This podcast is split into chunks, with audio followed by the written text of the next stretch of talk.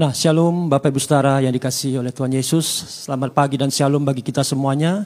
Nah, saya menyapa Bapak Ibu Saudara yang beribadah dari tempat ini maupun Bapak Ibu Saudara jemaat Tuhan yang beribadah dari rumah. Nah, mari sebelum kita mulai ibadah kita pagi ini, nah mari bersama-sama kita satukan hati kita di dalam doa. Bapa di sorga kami mengucap syukur Tuhan buat sepanjang minggu yang telah kami lalui bersama-sama dengan Engkau. Terima kasih buat segala kebaikan, kemurahan Tuhan berkat dan kasih karunia Tuhan yang melimpah dalam hidup kami. Bahkan kami bersyukur untuk semua pertolongan Tuhan di dalam hidup kami yang tidak pernah terlambat. Pertolongan Tuhan yang selalu tepat pada waktumu. Pagi ini bersama-sama dengan hamba-hambamu dan umatmu, maka kami datang untuk mencari wajahmu ya Tuhan. Kami datang untuk menghampiri tahta kasih karuniamu. Kami berdoa pagi ini ketika kami datang menghadap Engkau ya Tuhan kami berdoa kiranya Engkau berkenan untuk kami jumpai. Kami berdoa kiranya Tuhan Engkau berkenan untuk kami temui di tempat ini, di dalam ibadah kami ya Tuhan.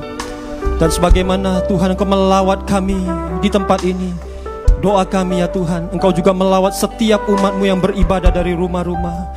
Kiranya lawatan Tuhan, hadiratmu ya Tuhan, itu boleh melawat setiap umatmu yang ada di dalam rumah mereka.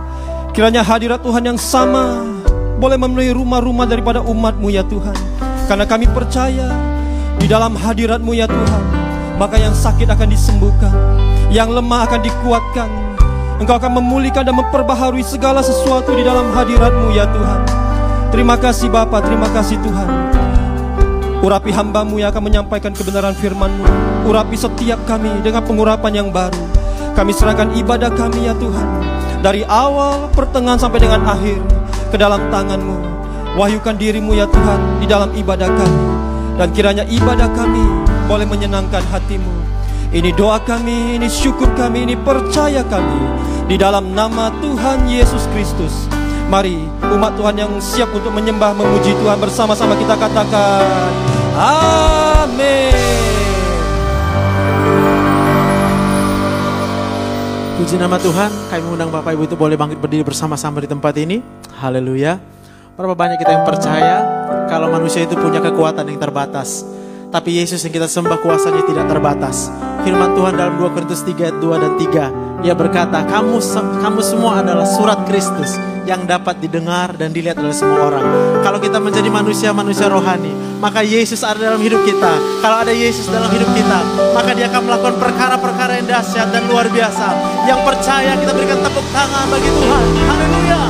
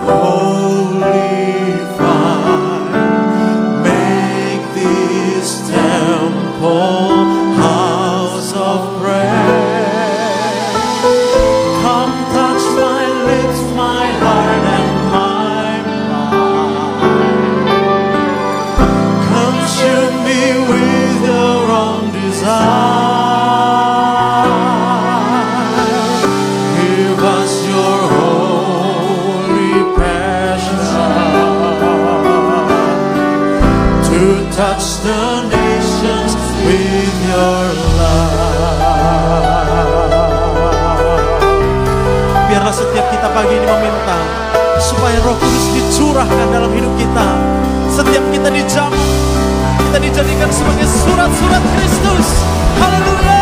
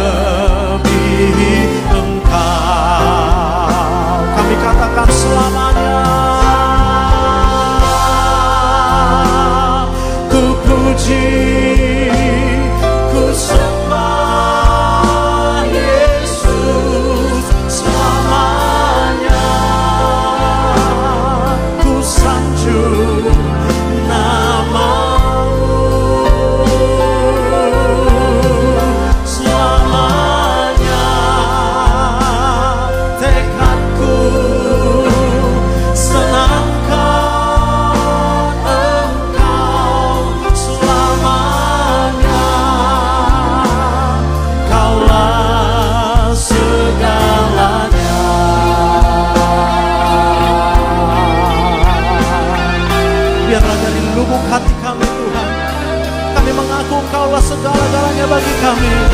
Tidak ada hal yang lain selain daripada Engkau.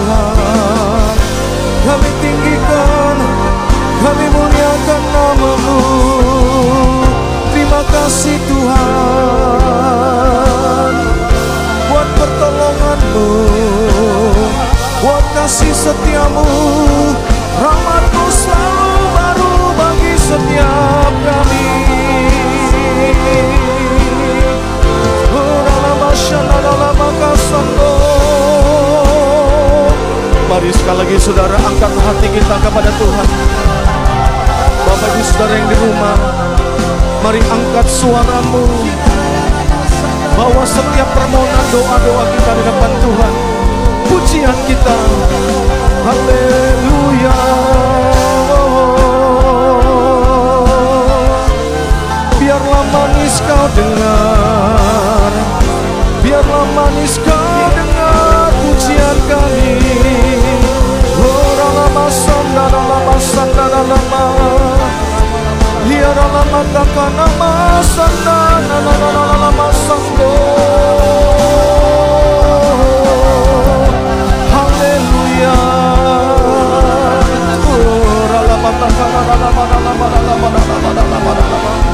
Roh Kudus mari urapi kami. Urapi kami lebih lagi ya Tuhan. Kami berkata kami perlu Tuhan Yesus Kami perlu Engkau ya Tuhan. Oh. Kami minta roh yang kuat. Kami minta roh yang kuat. Roh yang menyala-nyala ya Tuhan. Sehingga api di mesbah dari rumah persembahan api itu terus menyala ya Tuhan. Oh biar setiap korban persembahan yang kami persembahkan itu boleh menyenangkan hatimu Tuhan.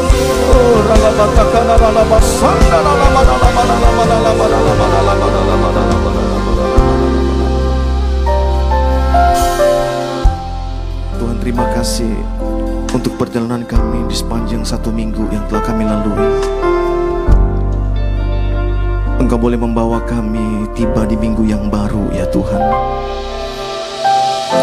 Hari di mana kami datang untuk bersuka-suka bersama dengan Tuhan. Hari di mana kami datang menaikkan ucapan syukur kami. Oleh karena sepanjang satu minggu yang berlalu, Tuhan boleh memberkati kami. Tuhan boleh melindungi setiap kami, ya Tuhan. Oleh sebab itu Tuhan hari ini izinkan setiap kami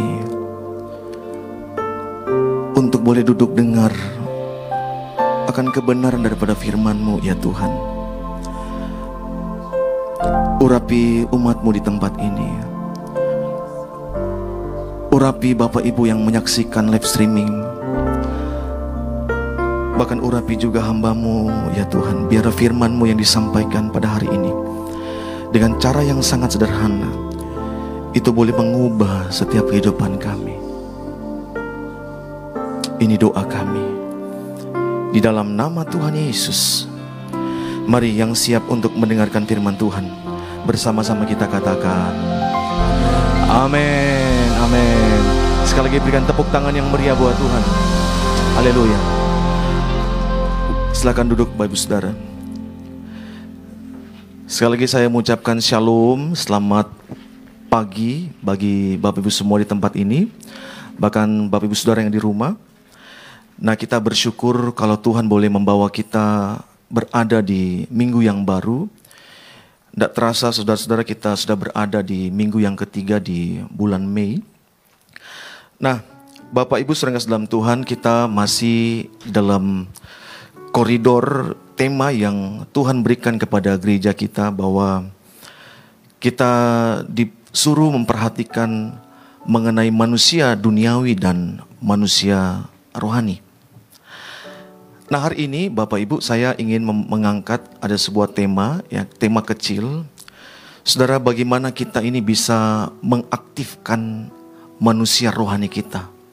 Activate the spiritual man. Nah, ayat firman Tuhan di dalam 1 Korintus pasal yang kedua ayat 14 sampai dengan ayat 15 Saudara ini yang menjadi renungan kita di sepanjang daripada bulan ini. Nah, Alangkah baiknya saudara-saudara kita baca ayat ini ya. Dikatakan tetapi manusia duniawi tidak menerima apa yang berasal dari roh Allah. Karena hal itu baginya adalah suatu kebodohan. Dan ia tidak dapat memahaminya. Sebab hal itu hanya dapat dinilai secara rohani. Tetapi manusia rohani menilai segala sesuatu tetapi ia sendiri, saudara Alkitab katakan tidak dinilai.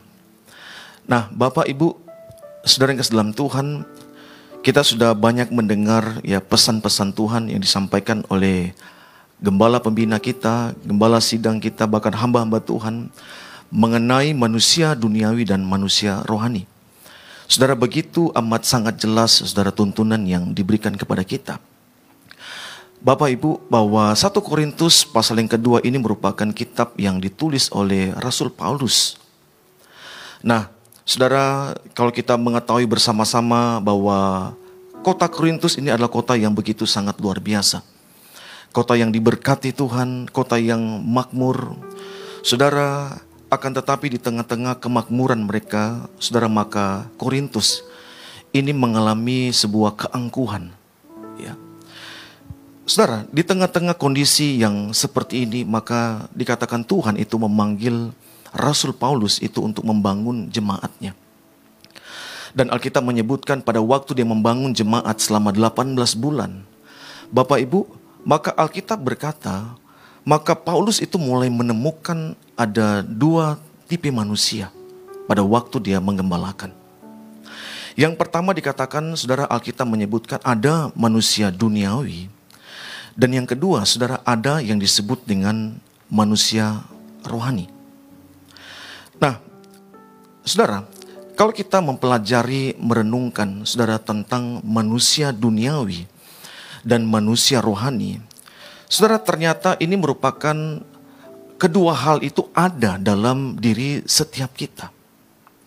Bapak Ibu, tergantung dari kita, kita ini mau mengaktifkan Saudara, hidup yang mana?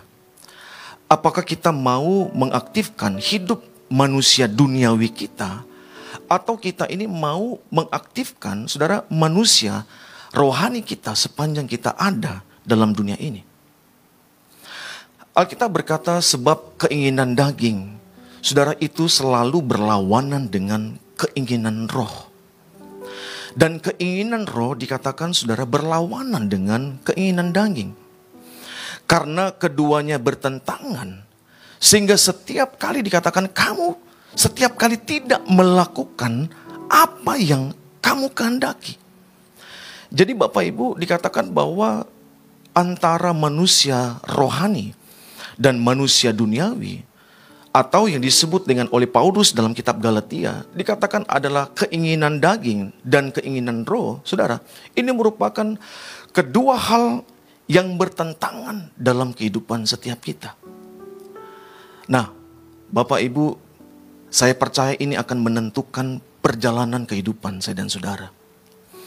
Rasul Paulus juga menyebutkan bahwa banyak orang itu mengawali kehidupan mereka itu dengan roh akan tetapi saudara mereka mengakhiri hidup mereka itu dengan yang namanya kedagingan.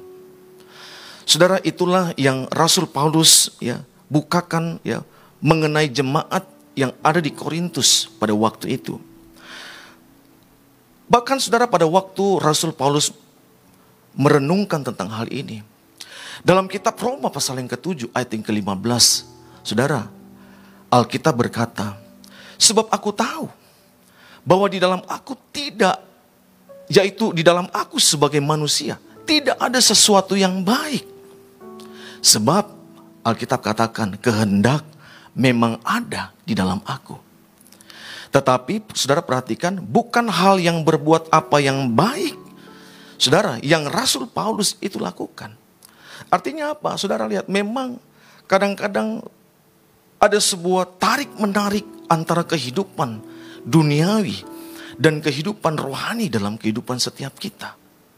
Bapak Saudara, Rasul Paulus berkata dikatakan di situ, memang tidak ada yang baik dalam kehidupan setiap kita. Kalau Bapak Saudara baca dalam kitab Roma pasal yang ke-8, maka Rasul Paulus itu menemukan ada kunci yang luar biasa. Nah, sebentar kita akan lihat. Nah, Saudara pertanyaannya, bagaimana cara kita ini bisa mengaktifkan atau kita membangun manusia rohani kita dalam setiap kehidupan kita. Saudara, pada waktu kita mulai beraktivitas, pada waktu kita mulai bekerja, kita melayani Tuhan, apa pun kegiatan-kegiatan yang kita lakukan. Nah, yang pertama, saudara, Alkitab mencatat dengan jelas untuk mengaktifkan manusia roh kita, membangun manusia roh kita. Bapak Ibu, Alkitab berkata, mau tidak mau, maka saya dan saudara itu harus mengalami kepenuhan daripada Roh Kudus. Yang setuju, katakan amin. Bapak Ibu, kita baru merayakan hari kenaikan daripada Tuhan Yesus pada waktu hari Kamis yang lalu. Nah, saudara, setiap kali kita mulai merenungkan pada waktu Tuhan Yesus terangkat ke surga, Saudara Tuhan berjanji maka dia berulang-ulang kali menampakkan diri kepada para murid. Alkitab berkata maka dia mulai menampakkan diri kepada para murid yang dikasihinya kepada Yohanes, kepada Petrus, saudara bahkan kepada hamba-hamba Tuhan yang lain. Saudara, Yesus mulai menampakkan diri. Dan Tuhan itu memberikan sebuah pesan. Supaya apa? Supaya mereka jangan meninggalkan Yerusalem. Oleh karena kenapa? Saudara, mereka harus menantikan janji Bapa dalam kehidupan mereka. Karena dalam kisah satu ayat yang pertama, Alkitab berkata pada waktu roh kudus turun dalam kehidupan setiap kita. Maka Alkitab berkata kita akan terima kuasa untuk menjadikan kita saksi Tuhan di Yerusalem, Yudea, Samaria, bahkan sampai ke ujung-ujung bumi. Nah saudara, selama hampir satu minggu ke depan, saudara dari hari Selasa sampai dengan hari Jumat, saudara maka kita akan mengadakan ibadah Holy Ghost Meeting.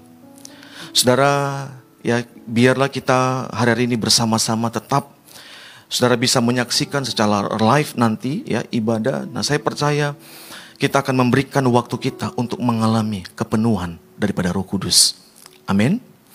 Nah, kitab Roma juga pasal yang ke-8 menyebutkan ayat 15 sampai dengan ayat yang ke-16. Sebab kita ini tidak menerima roh perbudakan yang membuat kamu itu menjadi takut lagi. Tetapi kamu telah menerima roh yang menjadikan kamu anak-anak Allah. Perhatikan. Oleh roh itu saudara kita berseru ya Aba, ya Bapa. Roh itu bersaksi bersama dengan roh kita bahwa kita adalah anak-anak Allah.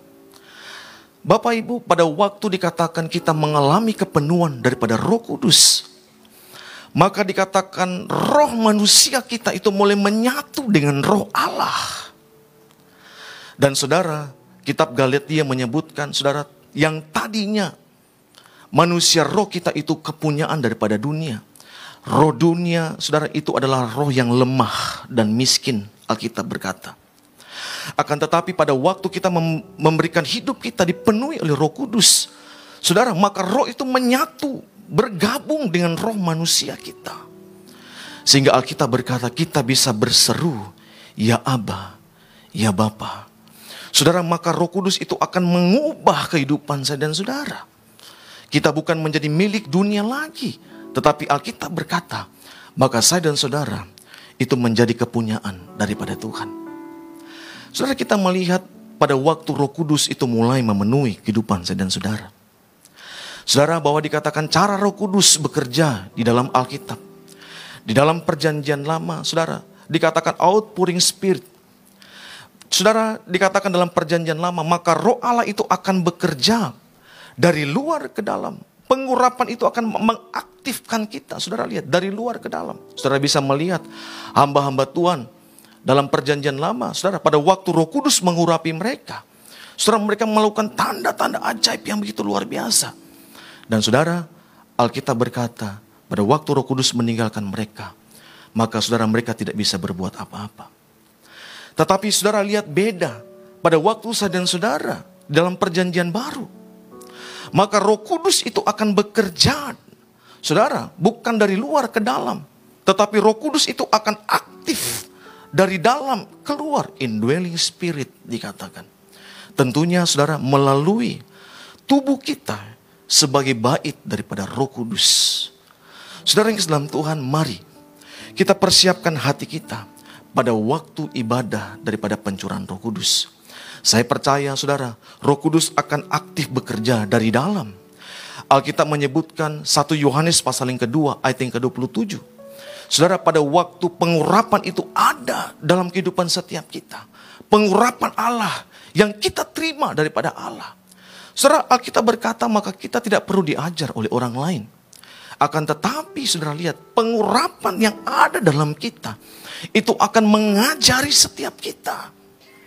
Dan Alkitab berkata, dan pada waktu dia mengajari setiap kita, saudara, Alkitab menyebutkan demikianlah hendaknya kamu, apa saudara dikatakan tetap tinggal di dalam dia. Saudara, ternyata pengurapan yang ada di dalam kita, yang ada di dalam Kristus itu akan aktif. Pada waktu saya dan saudara itu tinggal di dalam Yesus. Dan saudara lihat, begitu amat sangat luar biasa pada waktu setiap kita tinggal bersama dengan Tuhan. Saudara, maka dikatakan pengurapan itu akan mengaktifkan. Saudara lihat buah, buah yang manis di dalam setiap kehidupan saya dan saudara. Yohanes pasal 15 ayat 4 dan 5 menyebutkan dengan jelas pada waktu kita tinggal di dalam Tuhan. Dan saudara lihat, dan Tuhan tinggal bersama-sama dengan kita. Kita, saudara lihat, tidak dapat berbuah dari diri kita sendiri.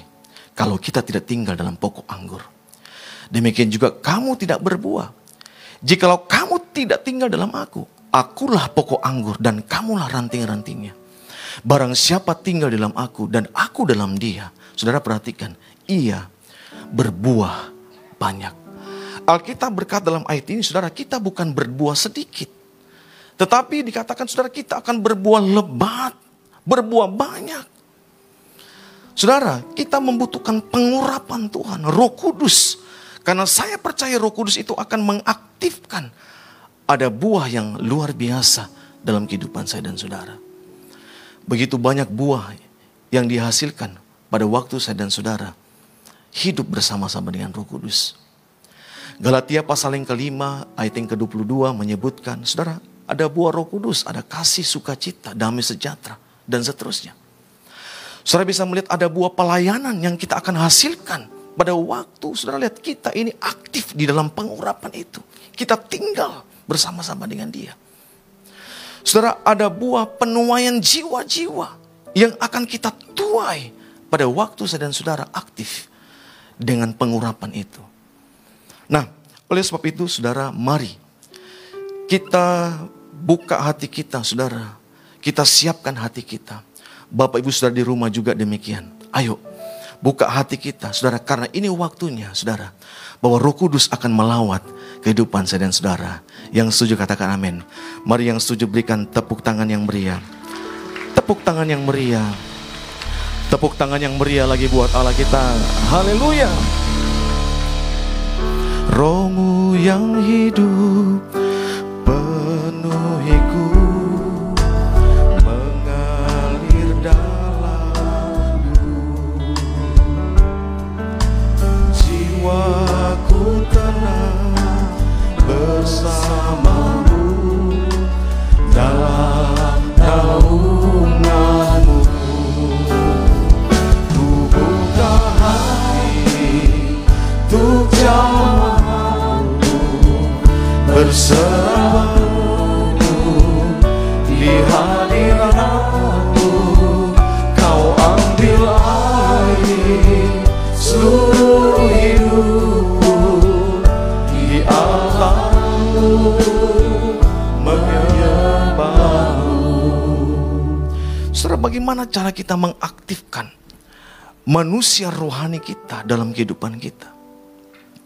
sehingga Alkitab berkata bukan keinginan daging yang dominan dalam kehidupan setiap kita. Akan tetapi saudara lihat keinginan roh. Ada buah roh yang kita hasilkan. Manusia roh. Saudara yang kita hidupkan selama kita ada dalam dunia ini. Dan yang kedua saudara pada waktu saudara saudara mulai belajar. Merenungkan kebenaran daripada firman Tuhan. Saudara, apa sih sebenarnya pada waktu, apa gunanya pada waktu kita ini mulai merenungkan, mempelajari firman Tuhan. Dalam 2 Timotius pasal yang ketiga ayat 16 ayat 17 saudara, jelas Alkitab menyebutkan bahwa dikatakan segala tulisan yang diilhamkan Allah memang bermanfaat untuk mengajar. Yang kedua dikatakan untuk menyatakan kesalahan, untuk memperbaiki kelakuan, untuk mendidik orang dalam kebenaran. Dengan demikian tiap-tiap orang, tiap-tiap manusia kepunyaan Allah, saudara, diperlengkapi untuk setiap perbuatan baik. Saudara, Timotius jelas itu menyebutkan pada waktu dan saudara berjalan hidup di dalam firman Allah. Saudara, maka dikatakan manusia roh kita itu akan berjalan sesuai dengan koridor daripada apa yang firman Allah itu inginkan. Oleh karena kenapa? Saudara, jelas firman Tuhan berkata bahwa manusia itu diperlengkapi untuk setiap perbuatan baik. Katakan sama-sama perbuatan baik. Amin. Kita berdoa. Saudara, pada waktu firman Allah mulai menyatu dalam kehidupan kita. Dia mengajar, dia menuntun kita, dia mendidik kita. Saudara, maka Alkitab berkata, lewat perbuatan baik kita, saudara, maka nama Tuhan itu akan dimuliakan dalam kehidupan setiap kita. Bapak Ibu, Roh Kudus itu disebut sebagai roh kebenaran. Spirit of truth. Saudara Roh Kudus itu akan memimpin kita dalam seluruh kebenaran. Firman Tuhan itu adalah kebenaran. Firman Tuhan itu akan memerdekakan langkah setiap kehidupan kita. Saudara, jelas. Nah, yang berikutnya, saudara. Dalam apa saja, saudara, kita ini mengaktifkan manusia rohani kita. Sekali lagi, saudara, kalau tadi bagaimana cara kita bisa mengaktifkan manusia rohani kita? Yang pertama, kita harus mengalami kepenuhan Roh Kudus. Yang kedua, saudara, pada waktu saya dan saudara mulai mempelajari, merenungkan firman Allah. Nah, saudara, bagi dalam hal apa saja kita ini bisa mengaktifkan manusia rohani kita. Nah, saudara yang pertama dikatakan pada waktu saya dan saudara ini berhadapan dengan yang namanya peperangan rohani. Pada waktu saya dan saudara menghadapi yang namanya pertempuran rohani dalam setiap kehidupan kita. Kitab Efesus pasal yang ke-6 itu jelas secara gamblang.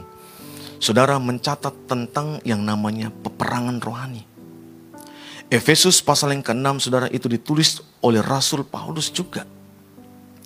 Saudara, Alkitab menyebutkan saudara pada waktu kita masuk di dalam peperangan rohani. Dan saudara lihat, peperangan yang kita hadapi hari-hari ini.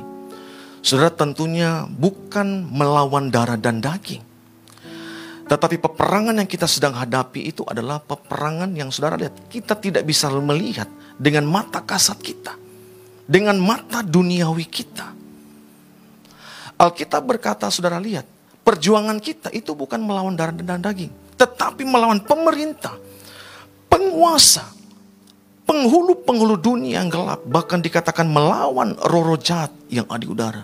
Saudara, kita sedang berhadapan dengan yang namanya spirit. Nah, kalau hari ini kita sedang melihat apa yang sedang terjadi di dunia ini. Saudara, bagaimana hari-hari ini sedang terjadi konflik antara Israel itu dengan Hamas. Saudara, Hamas itu melepaskan roket tembakan-tembakan. Saudara, ada ribuan roket yang dilepaskan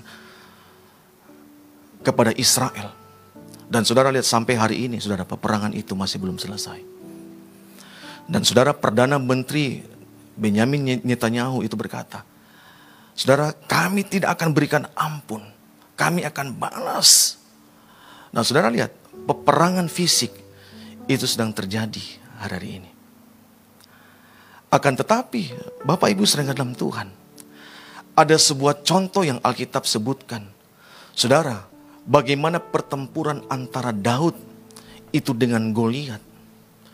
Saudara, secara mata kasat, saudara, Daud itu tidak punya uh, spesifikasi itu untuk melawan yang namanya Goliat. Dia hanya mengembalakan dua tiga ekor kambing domba. Sedangkan dikatakan Goliat itu adalah pribadi yang saudara dari mudanya sudah dilatih dengan peperangan. Saudara dengan menggunakan lembing, tombak, ada perisai. Artinya apa saudara? Itu hidup sehari-hari daripada Goliat.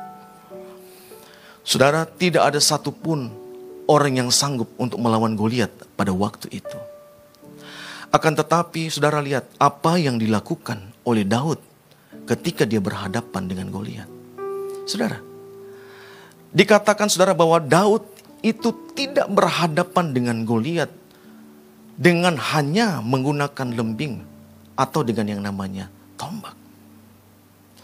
Saudara, dalam ayat 1 Samuel pasal 17, 45 sampai dengan 47. Tetapi Daud berkata kepada orang Filistin itu, engkau mendatangi aku dengan pedang dan tombak dan lembing.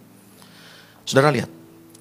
Tetapi aku mendatangi engkau dengan apa saudara? Nama Tuhan semesta alam. Allah segala barisan Israel yang kau tantang itu. Hari ini juga aku akan menyerahkan engkau ke dalam tanganku. Dan aku akan mengalahkan engkau dan memenggal kepalamu dari tubuhmu. Hari ini juga aku akan memberikan mayatmu dan mayat-mayat tentara orang Filistin kepada burung-burung di udara dan kepada binatang-binatang liar. Supaya seluruh bumi tahu bahwa Israel punya Allah. Dan supaya segenap jemaat ini tahu bahwa Tuhanlah yang menyelamatkan. Bukan dengan pedang, bukan dengan lembing. Sebab di tangan Tuhanlah pertempuran dan ia pun menyerahkan kamu ke dalam tangan kamu. Saudara, dalam ayat ini, dalam konteks ayat ini, saudara ternyata Daud itu menggunakan manusia rohaninya. Ketika berhadapan dengan saudara lihat Goliat yang tingginya hampir 2 meter. Bayangkan lembingnya saja, saudara, itu beratnya itu hampir 6 kilo. Saudara, begitu amat sangat luar biasa. Saudara, Daud itu mengerti bagaimana cara menghadapi peperangan. Daud bukan dengan menggunakan manusia duniawinya. Tetapi Daud dengan menggunakan manusia rohaninya. Memang kami masih hidup di dunia, tetapi kami tidak berjuang secara duniawi. Karena senjata kami dalam perjuangan bukan senjata duniawi, melainkan, saudara perhatikan, senjata yang diperlengkapi dengan kuasa Allah. Dan saudara lihat, pada waktu kita diperlengkapi dengan senjata kuasa Allah, Alkitab berkata dengan jelas, saudara kita sanggup untuk meruntuhkan benteng-benteng. Saudara kita sanggup untuk mematahkan setiap siasat orang. Merubuhkan setiap kubu yang dibangun oleh keangkuhan manusia untuk menentang pengenalan akan Allah. Saudara, kalau kita sedang berhadapan dengan orang-orang yang sombong, orang-orang yang congkak, orang-orang yang merasa saudara mereka bisa, mereka mampu dengan segala yang mereka miliki, dengan kepintaran yang mereka miliki. Saudara, jangan hadapi dengan cara yang duniawi. Amin. Ayo. Karena Alkitab dengan jelas, firman Allah dengan jelas, kita ini semua diperlengkapi dengan kuasa Allah. Saudara, waktu kita memiliki kuasa Allah, Alkitab berkata kita bisa menghancurkan, meruntuhkan setiap benteng-benteng. Semakin banyak usia seseorang, saudara, maka benteng-benteng itu makin banyak. Oleh karena kenapa saudara? Oleh karena pengalaman. Oleh karena saudara lihat begitu banyak doktrin, begitu banyak ajaran-ajaran yang masuk.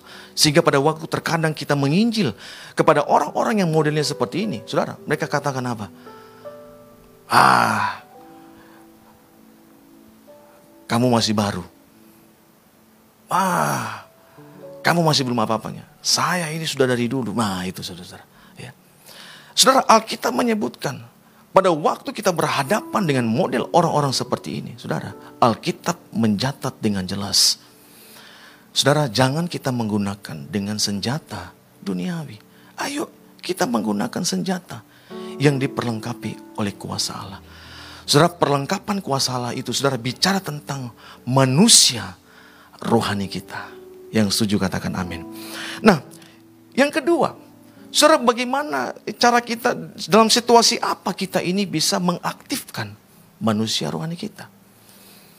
Bapak Ibu, pada waktu bukan hanya kita masuk di dalam peperangan rohani saja, tetapi Alkitab berkata, pada waktu setiap kita ini berdoa.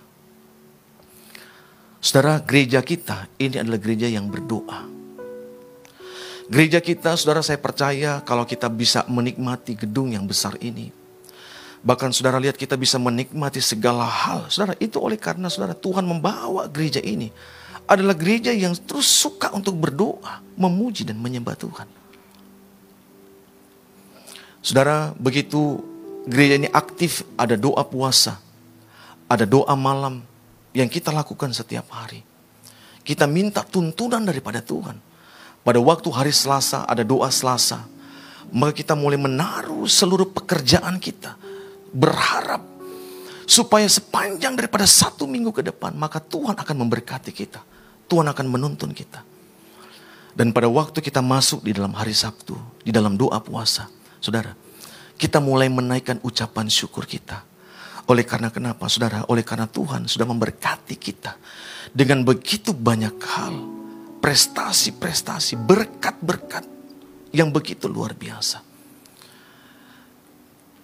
Saudara, dalam kitab Matius pasal yang ke-26 ayat yang ke-40 menyebutkan.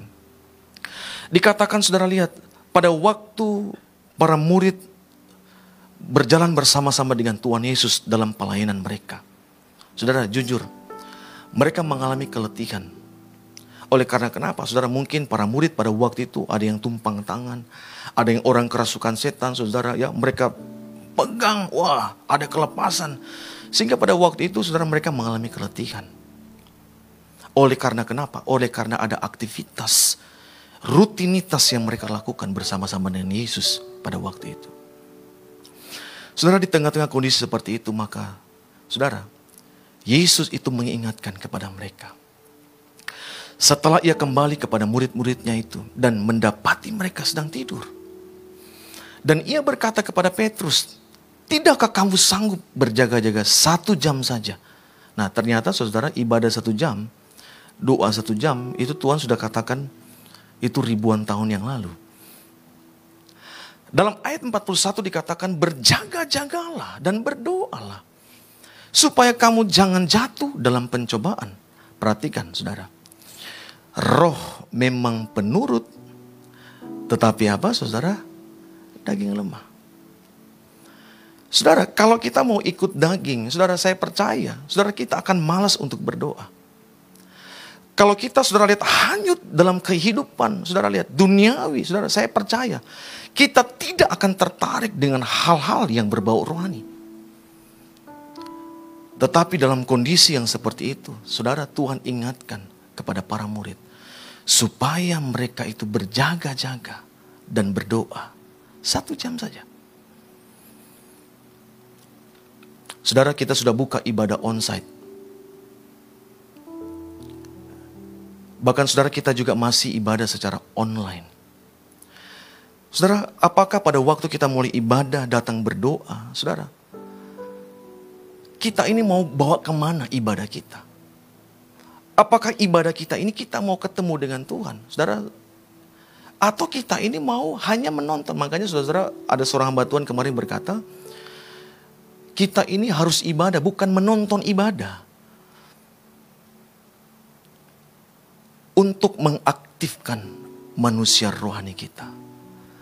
Alkitab berkata, saudara, kita harus berdoa. Katakan sama-sama kita harus berdoa. Roma pasal yang ke-8, saudara dengan jelas menyebutkan, dikatakan saudara lihat, roh membantu kita dalam kelemahan kita. Sebab kita tidak tahu sebenarnya bagaimana harus berdoa. Tetapi dikatakan roh sendiri berdoa untuk kita kepada Allah. Dengan keluhan-keluhan yang tidak terucapkan. Dan Allah yang menyelidiki hati nurani mengetahui maksud roh itu. Yaitu bahwa ia sesuai dengan kehendak Allah berdoa untuk orang-orang kudus.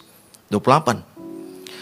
Kita tahu sekarang bahwa Allah turut bekerja dalam segala sesuatu untuk mendatangkan kebaikan bagi mereka yang mengasihi Dia, yaitu bagi mereka yang terpanggil sesuai dengan rencana Allah. Ayat yang ke-28 kadang-kadang kita comot ayat ini, kita ambil ayat ini, kita akan berkata bahwa Allah turut bekerja dalam segala sesuatu mendatangkan kebaikan bagi aku.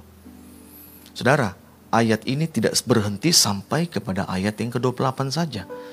Tetapi ada ayat yang ke-26, ada ayat yang ke-27.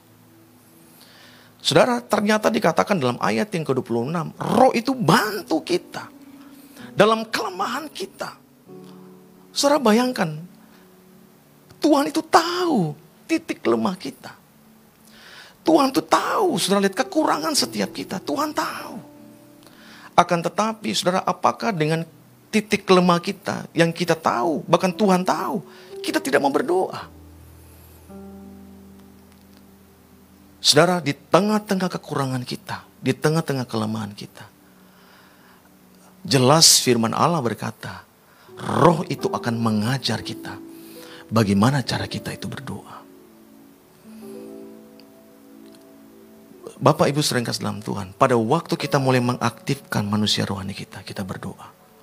Kita akan berkata bahwa ternyata Allah itu akan turut bekerja dalam segala sesuatu mendatangkan kebaikan bagi orang-orang yang mengasihi Dia. Saudara pada waktu kita berdoa kita akan melihat begitu banyak terobosan dalam kehidupan kita. Kenapa kita masih belum saudara melihat ada terobosan rohani dalam kehidupan kita? Saudara, oleh karena saudara lihat manusia duniawi kita, manusia daging kita itu masih dominan dalam kehidupan kita. Bapak Ibu, saudara yang dalam Tuhan. Roh Kudus adalah pribadi yang akan mengajari kita untuk kita berdoa. Saudara, saya nggak tahu apa yang menjadi kondisi kita pada hari ini. Mungkin akibat daripada pandemi, saudara, begitu banyak tekanan yang kita hadapi. Saudara, ada seorang peneliti dari Universitas Indonesia. Saudara, mereka mulai meneliti tentang hasil studi perilaku mengatasi tekanan selama masa-masa COVID-19. Nah ternyata saudara diketahui pada waktu COVID, saudara, banyak orang-orang yang mengalami stres atau multi stres dikatakan. Nah, saudara sehingga pada waktu mereka mulai stres, saudara pada waktu mereka mengalami himpitan yang luar biasa, tekanan. Dan dikatakan saudara tekanan yang mereka alami itu adalah tekanan dari dunia online dan juga saudara lihat itu dari dunia secara offline. Nah, diberikan sebuah contoh, saudara, ya. Akibat daripada pandemi ini muncul ya begitu banyak kebiasaan-kebiasaan yang uh, baru, ya. Ada atau hobi-hobi yang baru. Ada orang-orang yang saudara lihat pada waktu mereka mulai uh, beraktivitas ya di tengah-tengah pandemi, ya. Maka dikatakan saudara apa yang mereka lakukan, saudara maka mereka memulai ada yang memelihara ikan, ya, ada yang main game, ada yang mulai mengoleksi barang, ada yang saudara lihat suka dengan tanaman hias, ada yang suka dengan peliharaan, ya, ada yang suka dengan menonton drama Korea. Saudara itu yang mereka lakukan, ya. Akan tetapi Bapak Ibu Saudara di tengah-tengah kondisi yang seperti itu, saudara di satu sisi mereka mengalami tekanan secara online. Mereka juga mengalami tekanan secara offline. Saudara bayangkan, mereka bisa mengurusi tanaman hias mereka. Waktu mereka mereka bisa berikan begitu amat sangat banyak. Tanpa memperhatikan keluarga mereka. Atau sebaliknya, saudara lihat. Mereka melakukan banyak aktivitas, saudara. Mereka juga, saudara lihat. Itu, uh, apa namanya, mulai ya sibuk dengan hal-hal secara online. Baik itu saudara mungkin lewat Zoom dalam pekerjaan. Sehingga saudara lihat, mereka juga tidak memperhatikan yang namanya keluarga. Bapak Ibu, dunia sedang mengalami banyak perubahan. Tetapi pada waktu kita mulai berdoa, saya percaya ada satu kekuatan yang Tuhan akan berikan dalam kehidupan setiap kita. Katakan amin. Nah, hari ini Saudara izinkan saya bertanya, seberapa yang saudara kita rindu, kita mau mengaktifkan manusia rohani kita. Lambaikan tangan saudara. Bapak saudara yang di rumah bisa angkat tangan, oh puji Tuhan. Mari sama-sama kita bangkit berdiri. Romu yang hidup penuhiku mengalir dalamku.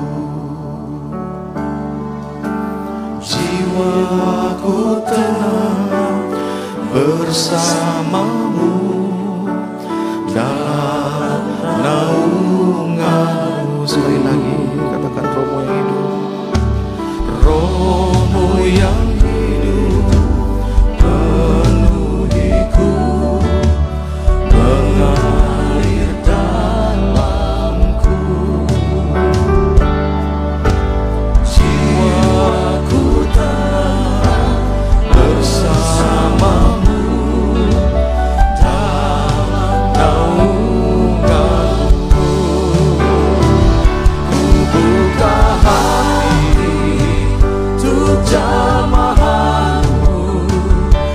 berserah penuh di hadiratmu. Kau ambil alih seluruh hidupku di altarmu menyembahmu. Mari saya minta musik saja. Saudara hari ini ada dua hal yang Tuhan ingatkan. Bagaimana cara kita bisa mengaktifkan manusia rohani kita Saudara manusia duniawi selalu berjuang supaya dia lebih, dominan dalam kehidupan kita. Manusia rohani pada waktu kita mulai aktifkan, saudara pada waktu kita mengalami kepenuhan daripada Roh Kudus. Pada waktu saudara dan saudara mulai belajar merenungkan firman Allah. Dan saudara lihat se- sekalipun dalam situasi sulit, peperangan rohani yang kita sedang hadapi. Karena lihat, perjuangan yang kita hadapi bukan melawan darah dan daging. Saudara, perjuangan kita itu melawan ada spirit yang tidak kelihatan. Untuk melawan spirit yang tidak kelihatan, saudara, maka kita perlu mengaktifkan manusia rohani kita. Doa, saudara, itu akan membawa kita masuk dalam dimensi yang berbeda. Nah, hari ini, saudara, izinkan Allah Roh Kudus mulai berkarya dalam kehidupan kita. Mari kita buka kedua tangan kita, ambil waktu, saudara, satu menit, saudara berdoa, minta supaya Roh Kudus menolong kita supaya Roh Kudus membantu kita dalam setiap kekurangan kita. Oh, rabatakan Oh, rabatakan Roh Kudus, pagi ini kami berdoa. Mari sekali lagi penuhi umatmu. Penuhi setiap kami yang ada dalam ruangan ini. Oh, ralabatakana ralabasana ralabara. Situasi demi situasi yang saudara hadapi. Peperangan-peperangan rohani yang saudara sedang hadapi. Ayo, jangan berperang secara duniawi, saudara. Oh. Mari berperang dengan kuasa Allah, diperlengkapi dengan senjata Allah.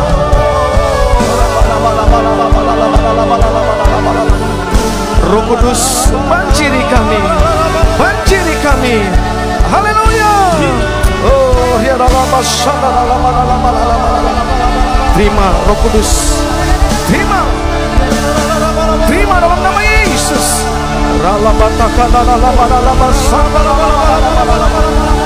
Kiranya engkau mengaktifkan manusia rohmu ada buah yang manis yang keluar dari hidup kita.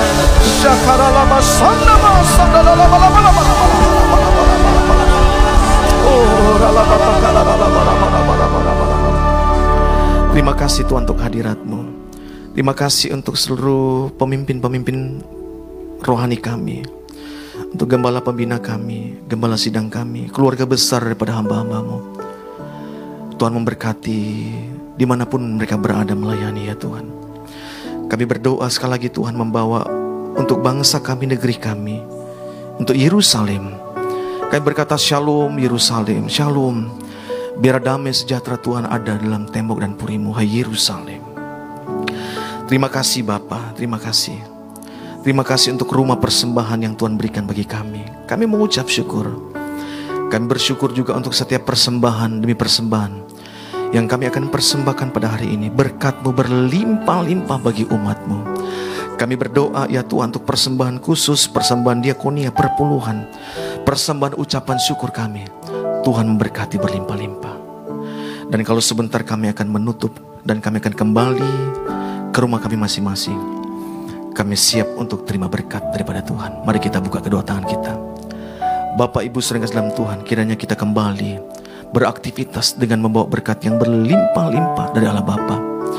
Cinta kasih yang sempurna dari anaknya Tuhan Yesus Kristus Serta persekutuan yang manis dari Allah Roh Kudus menyertai saudara Mulai pagi ini sampai Maranatha Bahkan sampai selama-lamanya Yang percaya diberkati Tuhan Bersama-sama kita katakan Amin Selamat pagi, selamat hari Minggu Tuhan Yesus berkati kita Shalom Bagi Bapak Ibu yang ingin mengetahui pengumuman gereja kita, boleh melihat kepada sosial media gereja kita Keluarga Besar GB Medan Plaza. Selamat hari Minggu, Tuhan Yesus memberkati.